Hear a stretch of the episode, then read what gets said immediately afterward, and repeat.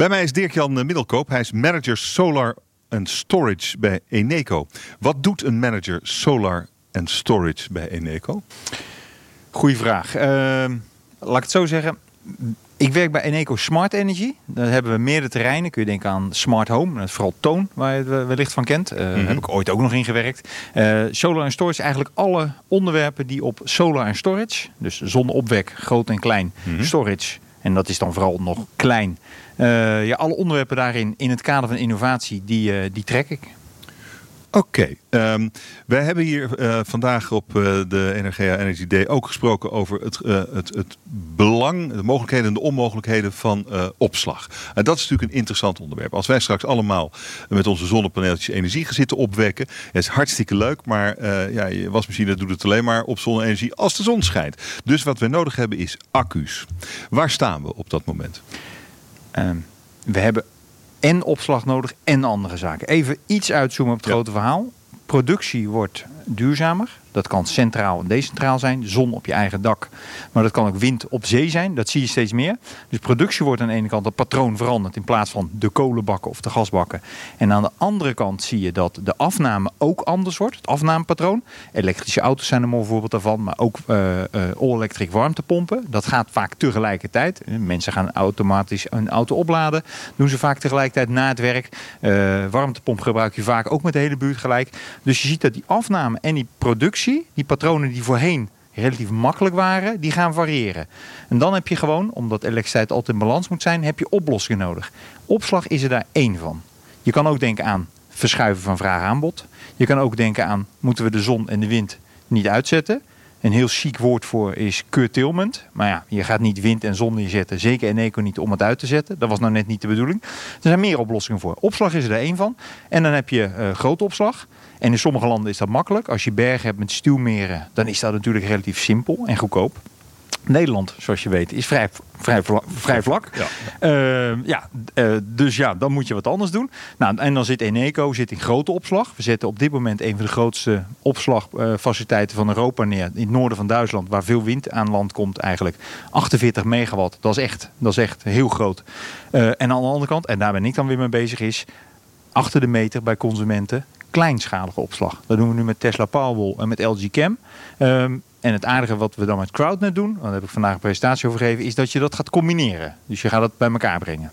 En dan krijg je natuurlijk dat opslag een grotere rol kan spelen in dat hele flexibiliteit van, uh, van het elektriciteitssysteem. Dat, dat, dat hele grote ding in uh, Noord-Duitsland, dat fascineert me wel. Dat is één hele grote, machtige accu.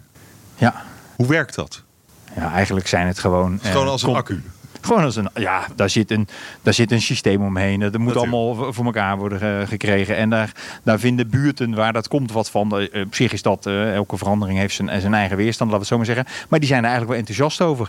En het aardige is natuurlijk dat in Duitsland wil je veel uh, is aan het noorden is er veel opwek, uh, veel wind. Mm-hmm. Als je er wel eens komt, dan kun je het zien. Ook nog wat er vanuit Denemarken komt. Dat komt eigenlijk allemaal daar samen. En de afname vind ik voor een groot deel juist weer beneden plaats. In andere delen van Duitsland. Okay. Opslag kan daar, dus grote opslag kan daar een grote rol in hebben.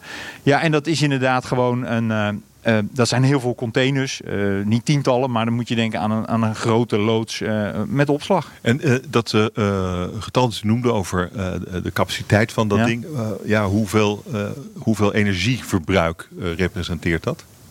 Ja, er zit 48 uur aan capaciteit. Hè, dat is dus de kracht eigenlijk. Mhm. En, en orde grootte 50 megawattuur. Dat is weer hoeveel verbruikt kan worden. Dus ja, hoeveel dorpen zijn dat? Oh, dat valt nog best wel mee. Uh, ik denk dat jij thuis uh, uh, 5 megawattuur verbruikt. Dus eigenlijk zijn het, ja, wat zou het zijn? 50.000 gedeeld Wow. door. En dat heeft een paar voordelen. Je kunt de energie kwijt als er heel veel van is. Is natuurlijk ook fijn, want als de prijs laag, dan kan je het bewaren tot de prijs weer wat hoger is. Dat is natuurlijk ook een, Dat een, kan, een, ja. mooi systeem. Het, het, het, en opslag is eigenlijk, uh, uh, en dat is het aardige, kijk, zonne-energie, dat, dat de zon schijnt en je produceert.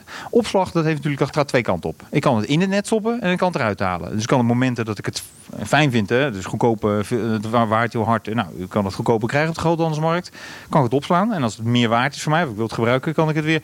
Dus, en opslag is daarmee veel dynamischer in, in, in die zin dan alleen maar productie. Dus opslag, opslag is essentieel. Er, het, er zullen nog veel meer van dat soort hele grote accu's komen. Flexibiliteit is essentieel. Maar Daar dat krijg je door- Ja, ja. En, en, en opslag is daar er één van. Ja. Je, er zijn ook, eh, eh, ik wil niet zo'n tunnelvisie hebben voor opslag. Er zijn ook oplossingen als Power to X. Dat je zegt, nou, ik, de, op, de elektriciteit die er is, die zet ik om in een andere stof.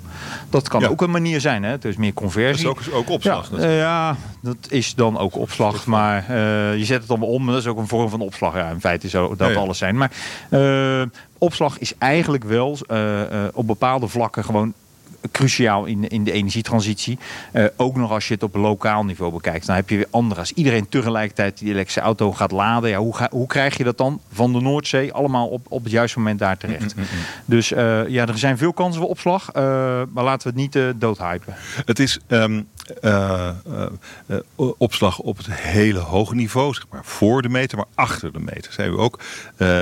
Daar doet Eneco ook dingen. Nou, ik noemde de Tesla Powerwall, dat is nog best een duur ding.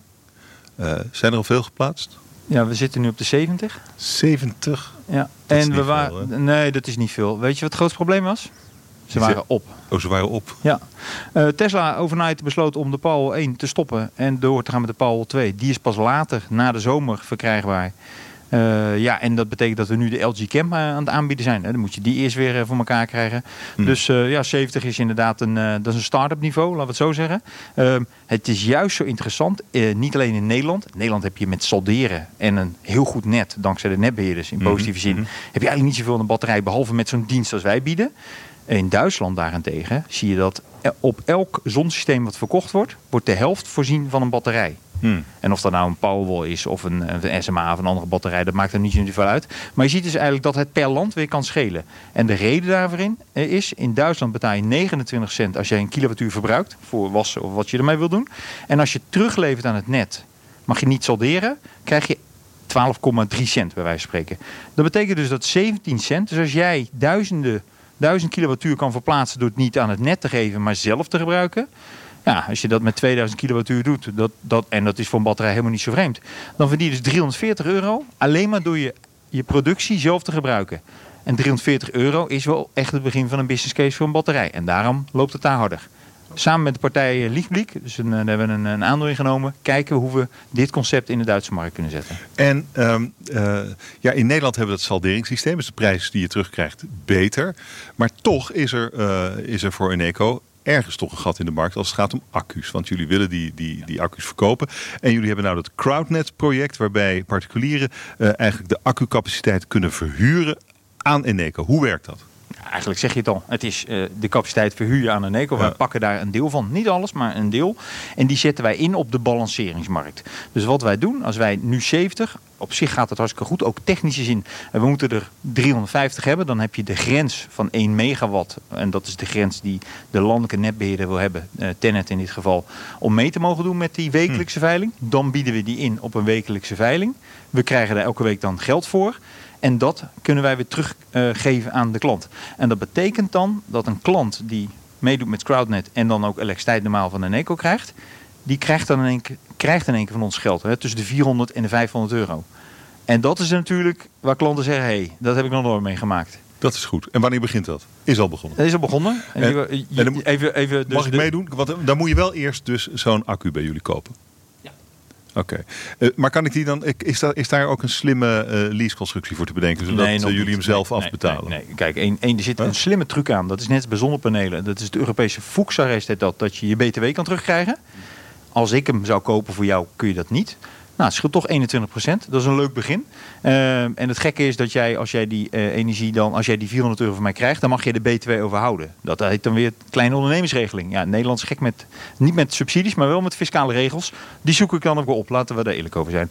Dus dat is wat we doen. Ehm, en op dit moment hebben wij, we hadden namelijk binnen 48 uur duizend mensen die zeiden reserveer er een voor mij. Dus wij baalden er echt van. We hebben Ja. zelfs nog in Italië en Zuid-Afrika gekeken of we Power 1 konden kopen. Ja, op is op. Ehm, maar er zijn dus heel veel mensen die zeggen: ik wil eigenlijk wel voorop lopen. Dat zijn mensen die vaak ook met zonnepanelen in het eerste uur ook voorop liepen. Die zeggen: ik wil hier ook aan meedoen. Financieel is het nog niet 100% terug te rekenen, maar een goede stap. En betere deals voor batterijen zijn eigenlijk niet.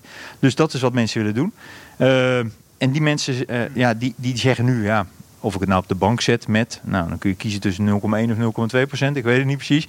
Uh, of ik, uh, ik stop het in een batterij en ik loop voor. Ja, die zijn er gewoon. En, uh, en, en daarna gaan we wel eens kijken hoe we, ook als de prijzen van batterijen naar beneden gaan, hoe we dat als lease-concept of als een ander concept kunnen wegzetten bij klanten. Hartelijk dank voor dit gesprek. Dirk-Jan Middelkoop, manager Solar en Storage bij Eneco. Hartelijk dank. Dank je wel.